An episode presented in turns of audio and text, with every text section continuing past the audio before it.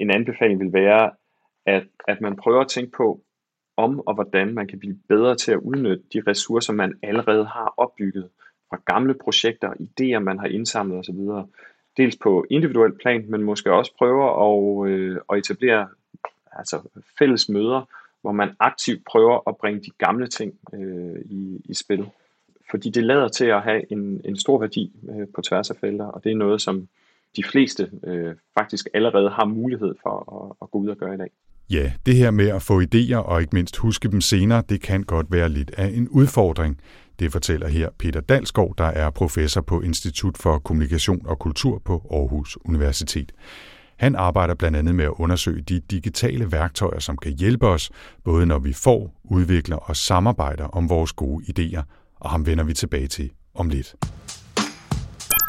Velkommen til Workflow, en podcast om fremtidens arbejdsliv. Podcasten udgives af Ida og udkommer hver 14. dag. Jeg hedder Anders Høgh Nissen. Og jeg hedder Nana Wesley Hansen. Velkommen til. Nana, når du får en uh, god idé på arbejdet, og jeg er sikker på, at du får rigtig mange af dem, det kan jo være en artikel, du gerne vil skrive, eller et forskningsprojekt, du gerne vil kaste ud i, eller bare noget, du skal huske til, til det næste møde. Hvad gør du så med den idé? Jeg skriver det ned i min uh, notesbog. Simpelthen fysisk i hånden? Ja, det gør jeg altid. Og så er der en masse mærkelige idéer derinde i den der notesbog, og så er det ikke altid, jeg kigger på dem igen. Mm.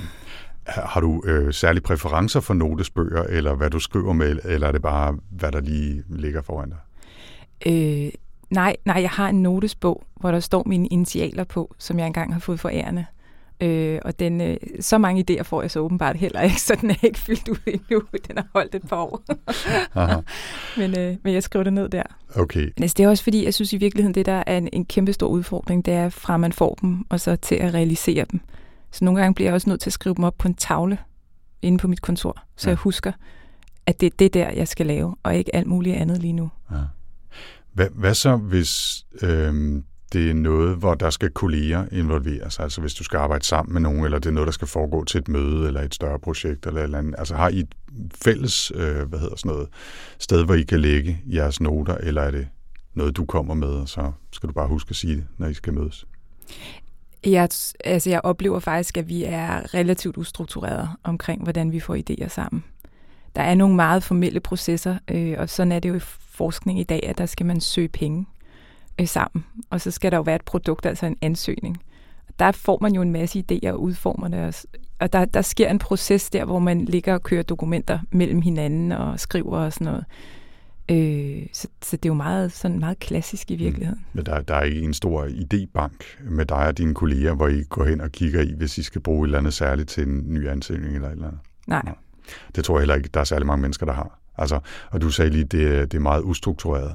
Og sådan tror jeg, det er for de aller, aller fleste mennesker. Ikke? Altså idéer, det er noget, man kan være heldig at få, og øh, så kan man være dobbelt heldig at huske dem, når mm. man skal bruge dem.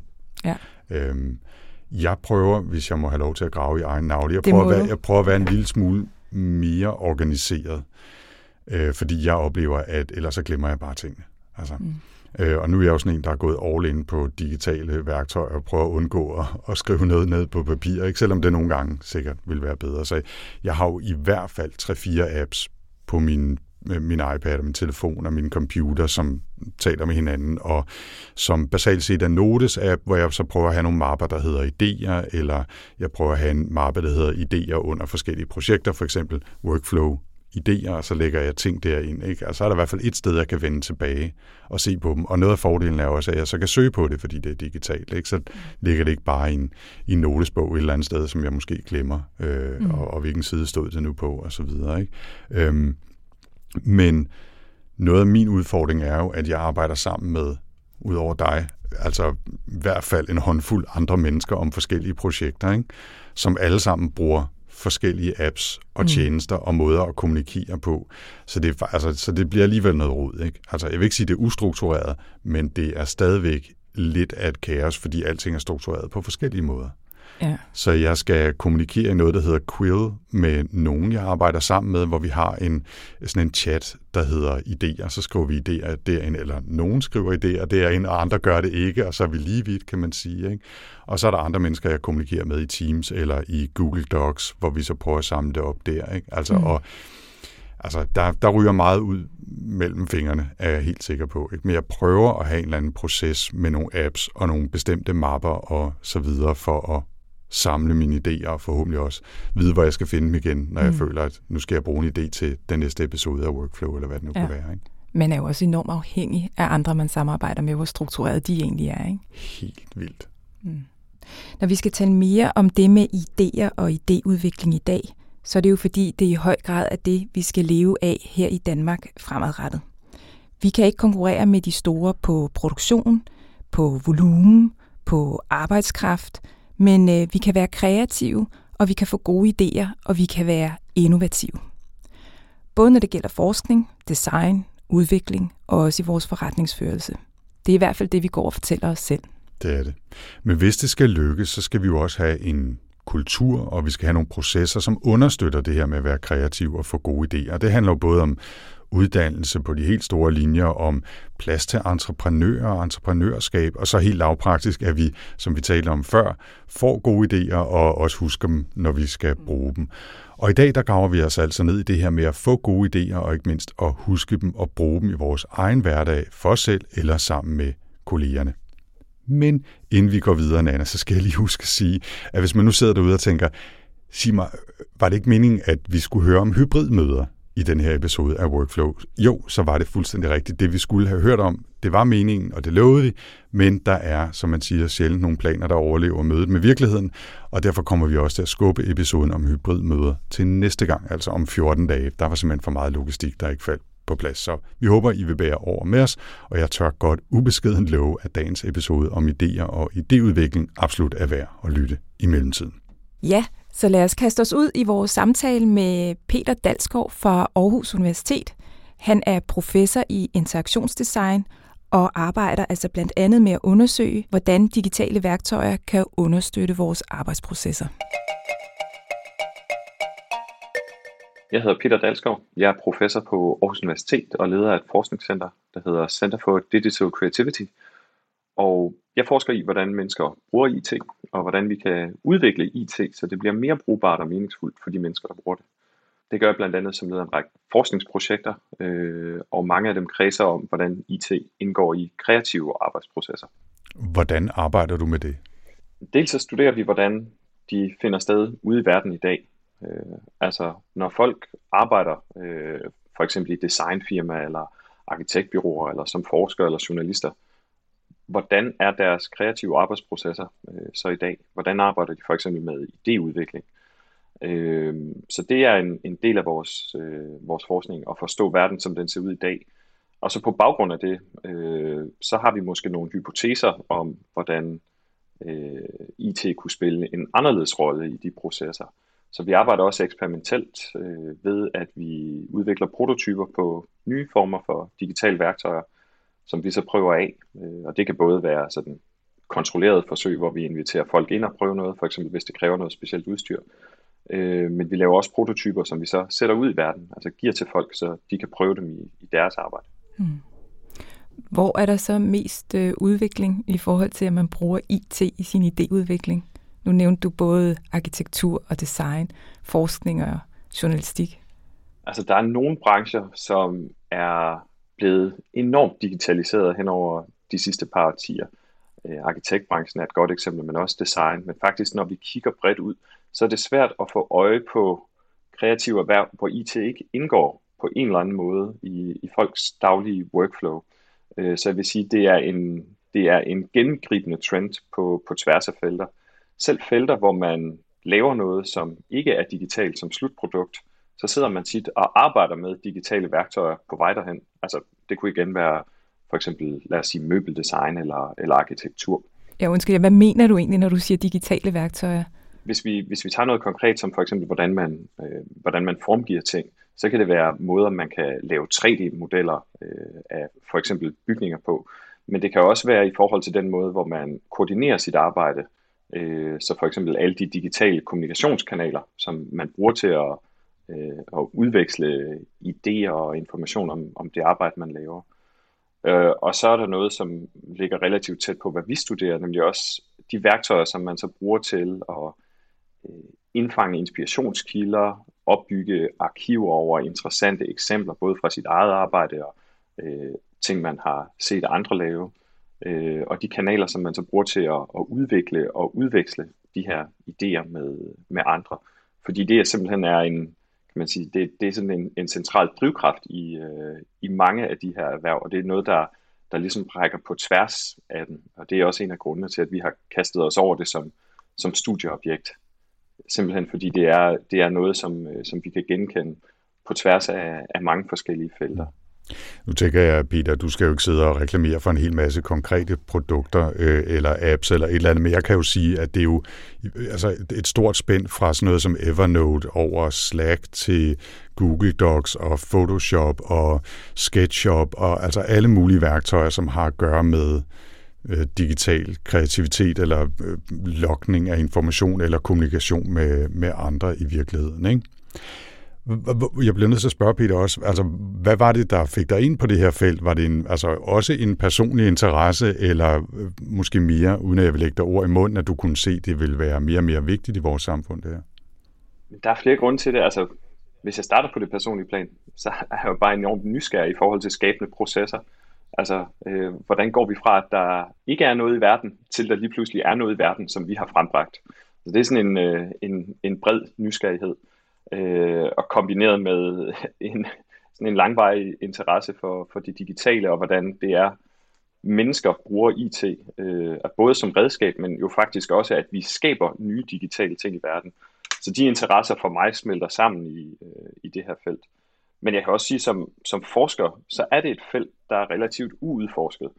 Langt størstedelen af den IT, som vi omgiver os med, den er udviklet kan man sige, ud fra sådan et, et slags funktionalistisk perspektiv, hvor vi har været enormt gode til at, at udvikle IT, som kan automatisere og effektivisere rutineprægede dele af vores arbejde, det forudsigelige. Og det har været enormt succesfuldt, men vi kan også se, at folk i stigende grad også bruger det til uforudsigelige elementer af, af deres liv og deres, øh, deres arbejdsliv. Og dele af arbejdsprocesser, hvor vi specifikt ikke skal gøre, som vi altid har gjort, men hvor vi skal tænke og skabe på nye måder. Og forskningsmæssigt, så er det et felt, som, øh, som vi ikke ved særlig meget om. Måske fordi det, det falder imellem nogle, nogle af de siloer, vi har opbygget inden for forskningsverdenen. Det falder mellem det naturvidenskabelige, for eksempel datalogien og fokus på det, vi ved om IT, og så det human- og samfundsvidenskabelige, altså forskning i for eksempel kreativitet og design, og de måder, vi, vi organiserer os på.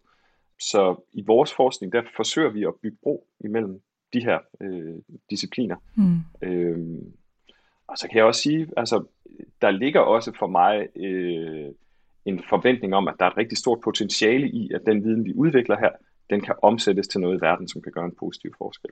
Fordi mange af de, altså det kan både være i det nære, i, i folks arbejdsliv, men jeg vil også sige, mange af de øh, helt store udfordringer, vi står overfor, de lige præcis kræver, at vi tænker og handler på nye måder.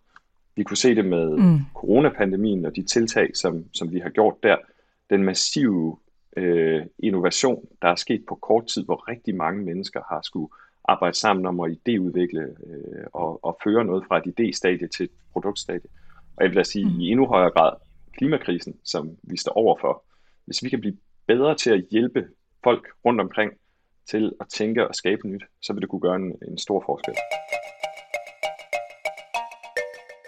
Men jeg tænker, Peter, kan du ikke prøve at give sådan et meget konkret eksempel på, altså måske sådan et eller andet helt konkret for en virksomhed, eller hvad ved jeg, hvor, øh, hvor man bruger et eller andet værktøj. Fordi jeg hørte også lidt sige, at de her digitale værktøjer også gør noget ved den måde, vi så arbejder med idéer på, eller får idéer på.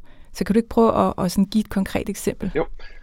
Noget af det, som, øh, som vi har studeret, det er, hvordan folk de opbygger samlinger af idéer. Øh, vi taler nogle gange om det som idéarkiver.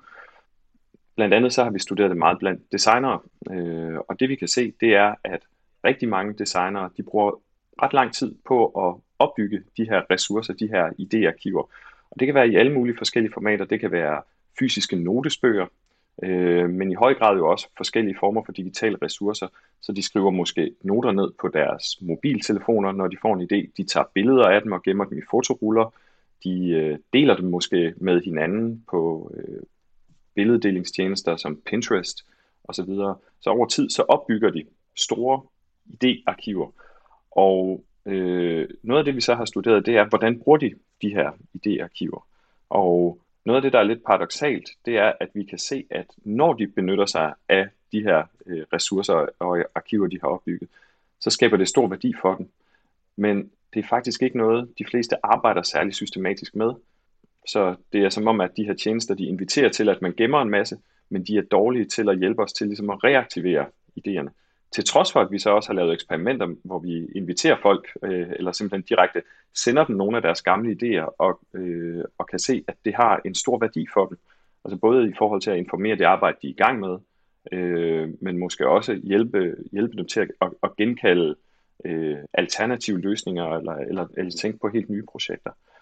Og det, det er noget, vi indtil videre primært har kigget på på, på individuel plan, øh, og vi har så lige lanceret et nyt forskningsprojekt, øh, støttet af, af Danmarks Fri Forskningsfond, hvor vi vil undersøge det her øh, i organisationer. Så hvordan arbejder folk sammen om, omkring øh, de her idéarkiver?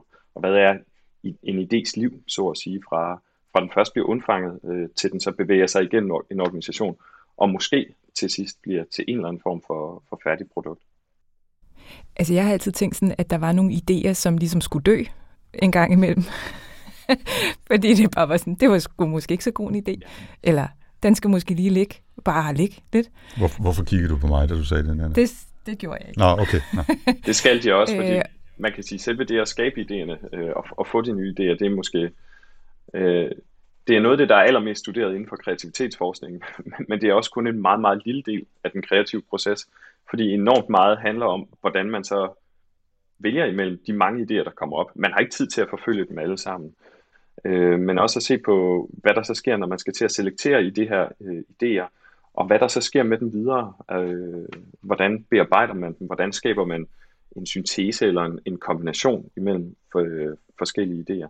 Og i en organisation, der er typisk rigtig mange, der kan have en holdning til, hvad der er en god og en dårlig idé. Øh, det kan være ens umiddelbare ledere, det kan være ens nære kolleger, men det kan jo i høj grad også være de klienter og slutbrugere, man, øh, man laver noget til. Så der er rigtig mange forhold, øh, som, som bevirker, om, om min idé kommer til at leve.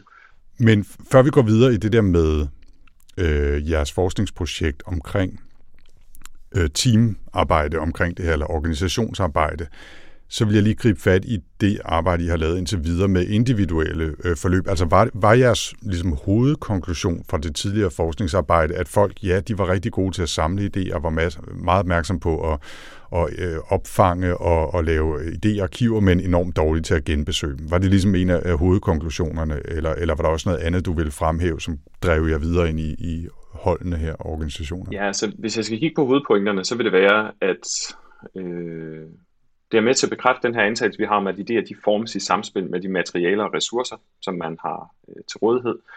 Vi kan også se, at folk har enormt forskellige artede praksiser omkring at gøre det her. Så selv folk, der arbejder i samme stilling, i samme organisation, kan have vidt forskellige måder at opbygge de her idéressourcer på. Og der sker tit en masse oversættelser imellem de her mange forskellige måder, vi så udtrykker idéer på. Det kan være, når jeg går fra at have noget i en notesbog, til på en eller anden måde at gøre det digitalt, men jo især også, hvis jeg så begynder at skulle samarbejde med andre, så er jeg lige pludselig nødt til at omforme det, og ideen bliver så også til dels omformet af, at, øh, at vi deler det med andre. Folk, som, som, øh, som arbejder professionelt med kreative arbejdspraksiser, de bruger en del tid på at prøve at, at skræddersy de her øh, værktøjer, de bruger. Men de er faktisk sjældent tilfredse med dem. De fleste de øh, opnår sådan en midlertidig grad af tilfredshed i en periode, og så synes de alligevel, det kunne eller burde gøre noget mere for mig, det her værktøj. Og så begynder de at afsøge nye ting efter et år måske.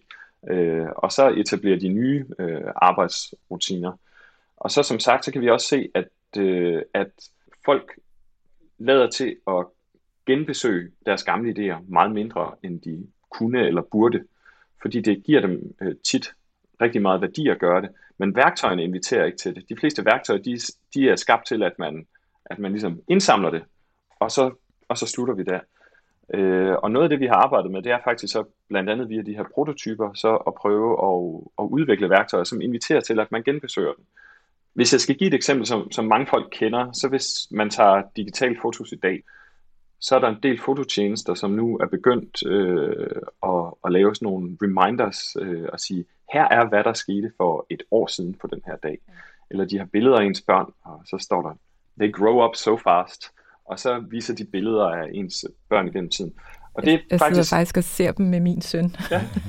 han, han elsker dem. Ja. At han ligesom kan genbesøge begivenheder. Ja, og ja. det kan jo være en, en kæmpe stor hjælp, ikke? Altså, øh, vi tager jo et hav af digitale billeder, så er der 10.000 billeder, og det er jo ikke noget, der inviterer til, at man, man sætter sig ind og sorterer igen dem.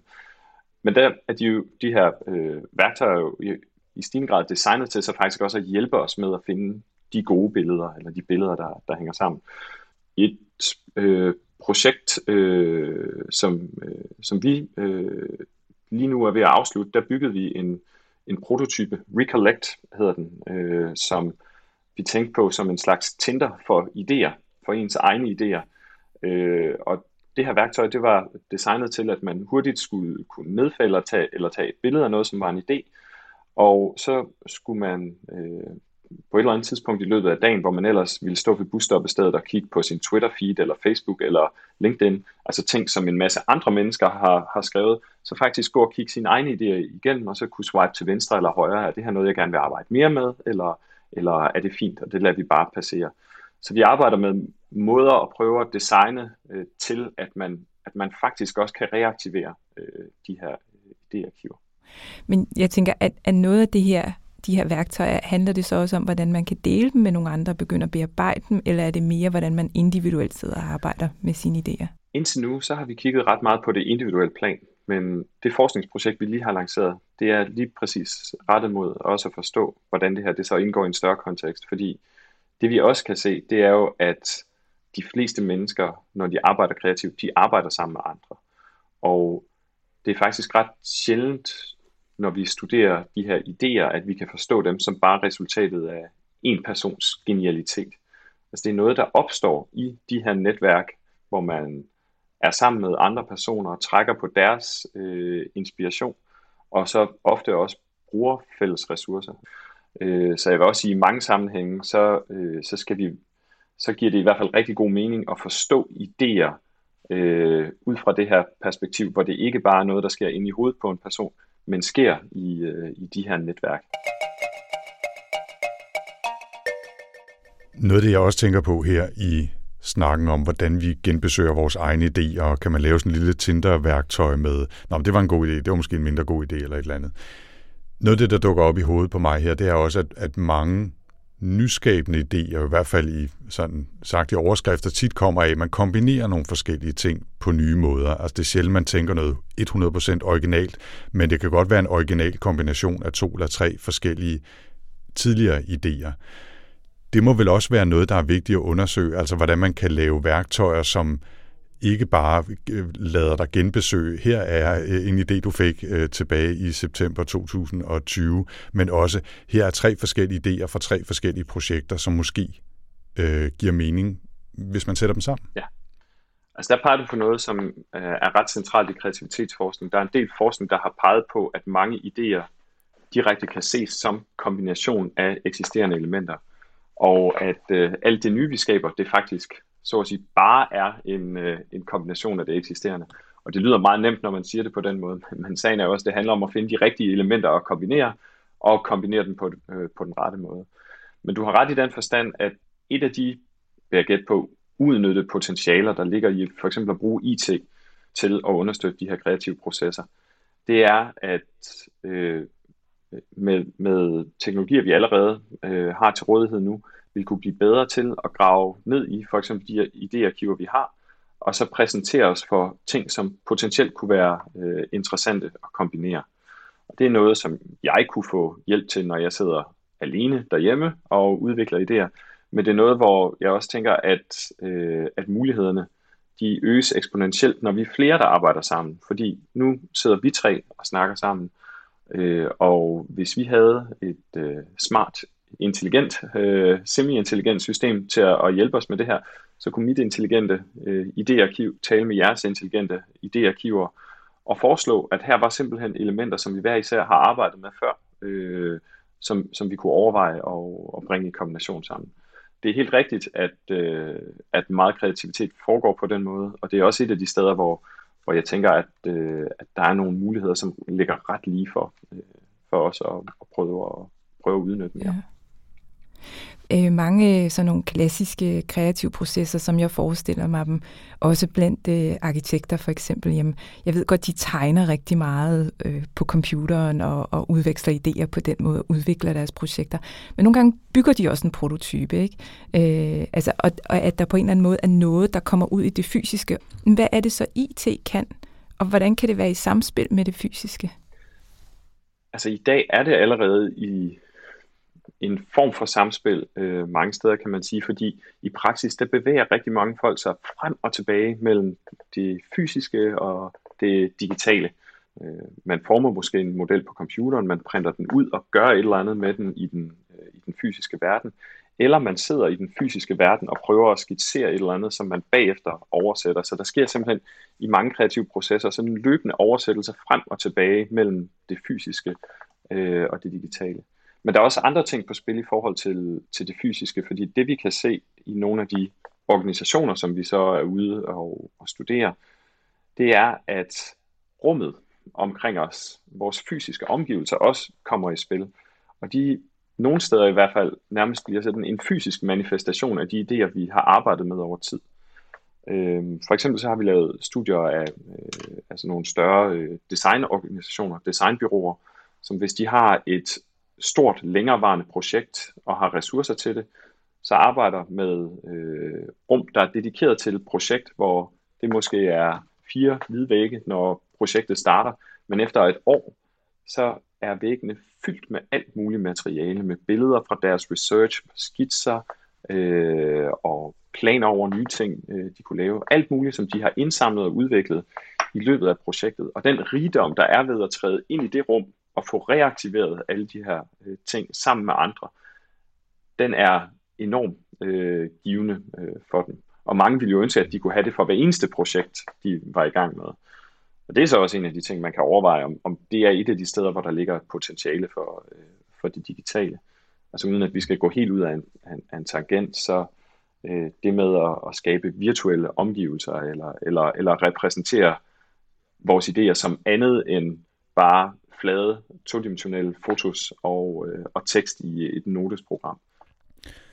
Når vi snakker om sådan kommende udviklinger af, af de her værktøjer, både jeres prototyper og, og de værktøjer, der så øh, forhåbentlig også bliver lavet som, som jeg har sagt, rigtige produkter, så kunne så noget som en, øh, en, en eller anden form for AI-hjælp, øh, altså en algoritmisk øh, hjælp, kunne være oplagt. Altså, hvordan har I overvejet, hvad det kunne betyde for sådan et samarbejdsidéudviklings genanvendelsesværktøj? Ja.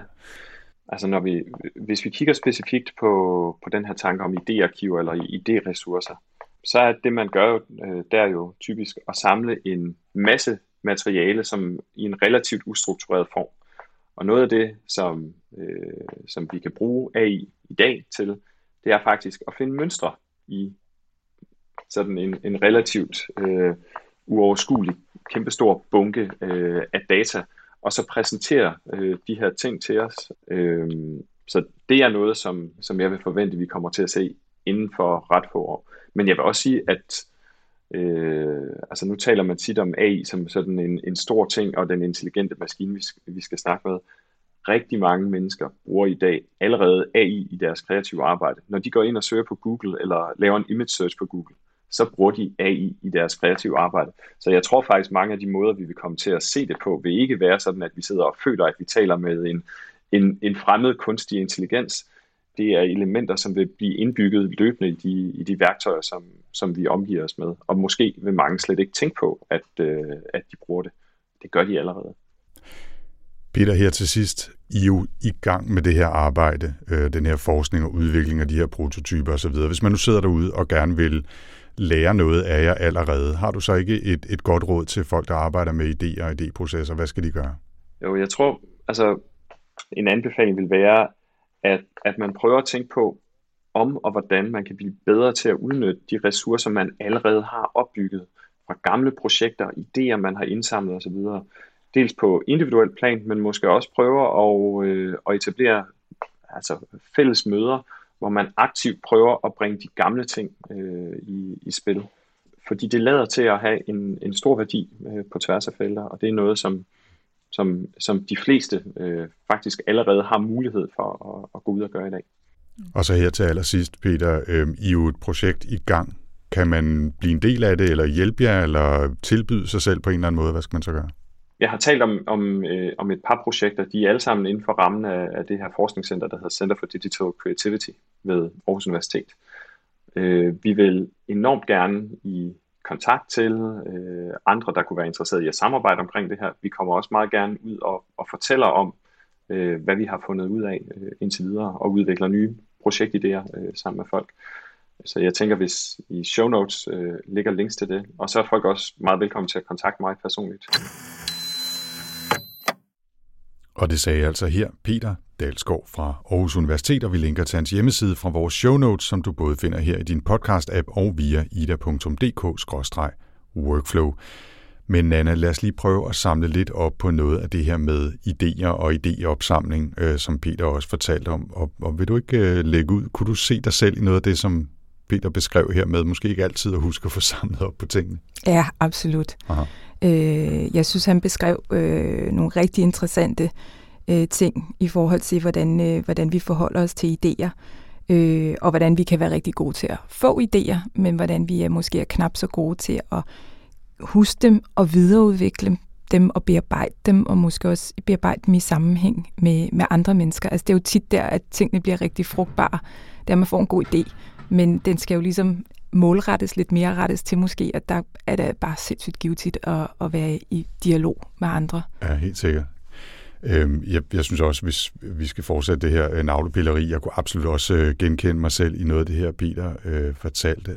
Og jeg synes, at noget af det, som jeg virkelig har, har skulle slås med, er at få en god proces for, hvordan man får idéer og husker at bruge dem. Ikke? Altså lige præcis det, som vi har snakket om nu her i, i den her episode. Og det kan både være professionelle ting, men også private ting. Altså, ej, det vil virkelig være en god idé til en julegave til min far, og så har jeg glemt alt om det, når vi kommer hen i december, ikke? fordi jeg ikke har skrevet det ned, eller ikke bare ikke kan huske at finde det igen. Ikke? Øh, men der, der, jeg har prøvet at bruge nogle værktøjer gennem tiden, som, som har taklet den her udfordring, og mange har sikkert hørt om den her note-app, der hedder Evernote. Og de havde faktisk i hvert fald på et tidspunkt, så at man kunne integrere resultater fra sine noter i Google-søgninger. Så hvis man søgte på Google på et eller andet, så dukker der faktisk også en lille boks op og sagde, at du har faktisk skrevet en note eller tre om det her emne tidligere, prøv at gå tilbage og se på dem. Og det var tit faktisk en god hjælp, fordi nå, så havde jeg faktisk fået en idé, eller allerede skrevet nogle ting om, hvad det nu var, jeg sad og søgte på i Google. Ikke? Og det kan faktisk være en god hjælp. Så der kan faktisk være nogle værktøjer, som kan ja, som netop kan understøtte de her processer med idéer ja, og, ja. og idéudvikling. Ja. Jeg synes også, altså som sagt, så meget den det udvikling, jeg selv laver, er jo meget målrettet på, så er der et projekt, eller vi skal søge nogle penge, eller der er sådan et eller andet mål, ikke? Øh, og nogle gange, så kan man endda sådan skue de her ting, uden faktisk at have fået den gode idé, og så skal man have den. og det er ikke altid, den kommer. men, øh, men når det så er sagt, så, kunne jeg, så har jeg alligevel også nogle kollegaer, hvor jeg arbejder på samme felt. Ja. Altså, vi er længe på samme felt. Og der kunne man jo godt altså måske gøre brug af nogle værktøjer i forhold til struktureret og dele nogle idéer, og så på sigt måske, så man måske har den gode idé, når det er, at muligheden byder sig for, at man kan søge nogle penge til at realisere projektet, eller ja. hvad det så nu er. Ikke? Jeg tror lige præcis, du sætter fingeren på, på det vigtige, måske endda også lidt ømme punkt her, ikke? altså at vi tit er i situationer, hvor vi skal få idéer, mm. og så er det bare ikke sikkert, at vi kan det, og alle har sikkert været med i workshops, hvor man, ja, men I får øh, 30 sekunder til at skrive 100 idéer eller et eller andet crazy, og så skal mm. man fylde 10.000 øh, post-it notes op på, på en tavle eller et eller andet. Ikke? Og ja, nogle gange kommer der noget godt ud af det, ikke? men jeg tror også nogle gange, de processer vil være mere effektive, hvis man kunne grave lidt tilbage og se på de idéer, man tidligere har fået, ja. og som har fået lov til at, ja. at koge lidt i, i baghovedet, eller ligge og boble lidt på en eller anden måde. Ikke? Altså mm. det, det tror jeg tit, der vil komme ja. mere ud af. Ikke? Noget af det, som jeg også har set på tidligere som en, en, et værktøj, der kunne hjælpe, øh, relaterer sig i virkeligheden til det, der hedder spaced repetition. Kender du det begreb? Nej. Det er, det er sådan noget, man bruger under læring. Typisk sådan lidt udenadslæring. Altså hvis man skal lære kongerækken, så sidder man, og så læser man kongerækken, og forsøger man ligesom i situationen at sidde og se, hvor mange man kan huske. Det man så kan gøre, det er, at man vender tilbage til det efter tre timer og ser, hvor mange man kan huske. Og så vender man tilbage til det igen efter en dag, og så måske igen efter en uge eller 10 dage. Mm. Og hvis man gør det, så viser forskningen faktisk, at man bliver ret god til at huske det så også på den helt lange bane. Hvis man først har været igennem den der mm. øvelse mm. med, med nogle særlige mellemrum og lære sig at huske ting. Ikke? Mm. Og, og der har jeg tidligere talt lidt med Peter om, man kunne forestille sig noget tilsvarende med idéer. Altså hvis man, når man fik en idé til et eller andet, så efter en time, så kiggede man lige på den igen. Og så kigger man på den igen i morgen tidlig. Mm. Og så kigger man på den efter 10 dage. Og så kan det både være, at den bliver udviklet, og det kan være, at man bare bliver bedre til at huske den, ja. når den så på et eller andet tidspunkt engang skal bruges. Ja. Så det er også noget, jeg har, jeg har arbejdet lidt med, med altså det hedder spaced repetition, så jeg mm. foreslået øh, begrebet spaced ideation. Og jeg ved ikke, om der er nogen, der køber den, men altså, ellers så laver jeg sgu selv en app og, ja. og, og, og udvikler det på en eller anden måde. Ikke? Ja, det var en foræring. Ja, fuldstændig. Der var en idé. Ja, der var en idé. Det er jo lige præcis, der var. og du har faktisk tænkt over den. det er meget, meget meta, det hele. ja, det er det. Ja. Altså, jeg køber virkelig ind på det her med, at vi kan blive bedre til at generere idéer og arbejde mere struktureret med dem. Øh, men altså dels er der jo et element af tillid. Altså man skal være i nogle arbejdsstrukturer, hvor der er, ligesom er nogle tillidsforhold, hvor, man, hvor det giver mening at dele de her ting. Og det tror jeg faktisk rigtig mange har på deres arbejdspladser, heldigvis. Men noget andet er også, at der, altså det er i hvert fald min erfaring, at i virkeligheden, når man så går i gang med at ligesom forme de her idéer og gøre dem bedre, så er der jo i virkeligheden også nogle gange nogle meget lavpraktiske ting, altså en masse udfordringer for at få ideen realiseret. Øh, hvor man bliver mødt med folk, der ikke tror på ideen, for eksempel. Folk, der vil noget andet, et andet sted hen. Eller nogle barriere, man skal igennem. Nogen, man skal overbevise om, at ideen er god, fordi ellers så får man ikke ressourcerne og pengene til at få lov at lave det. Øh, eller man skal gøre nogle strategiske ting for at ligesom få kringlet ideen derhen, hvor man kan realisere det. Øh, og nogle af de der processer, altså der er sådan et element af forhandling i, altså hvor man bruger nogle helt klassiske forhandlingskompetencer, og, og hvor man jo på en eller anden måde forhandler sin idé. Ja. Og det synes jeg er ret interessant, altså hvad de der forhandlingsprocesser gør, fordi det kan jo godt minde meget om sådan noget med kompromis og så videre, men det kan jo også være en måde at måske sætte noget ny retning på ideen nogle gange faktisk. Mm. Øh, og det, det vil jeg håbe, der er nogle kloge hoveder, der tænker over på et eller andet tidspunkt og fortæller mig lidt om hvordan jeg kan forhandle min idé i Men hus. Det gode ved at lave den her podcast, det er at vi kan bare bestemme, at vi laver en episode, der handler om forhandling. For eksempel i forhold til idéer eller arbejdsprocesser, eller hvad det nu kan være. Og så finder vi bare en god gæst, der kan hjælpe os det med at blive klogere på det. Skal det vi ikke aftale, at vi gør det? Det aftaler vi. Godt. Og så er der ikke mere i denne workflow. Men vi vender tilbage igen om 14 dage, hvor vi altså skal se nærmere på hybridmøder, og vi satser virkelig på, at det lykkes den her gang. Vi skal både se på, hvordan hybridformatet fungerer i undervisning, og så skal vi høre om forskning i hybridmøder og deres fremtid. Hvis du vil vide mere om podcasten, kan du besøge vores hjemmeside på ida.dk-workflow, og hvis du vil skrive til os med kommentarer, idéer til emner, gæster eller andet input, så kan du skrive til os på Twitter med hashtagget WorkflowIda, eller kontakte os via Idas hjemmeside. Workflow bliver udgivet af Ida og produceres af Podlab. Jeg hedder Anders Høgh Nissen. Og jeg hedder Nana Wesley Hansen. Tak for denne gang. thank you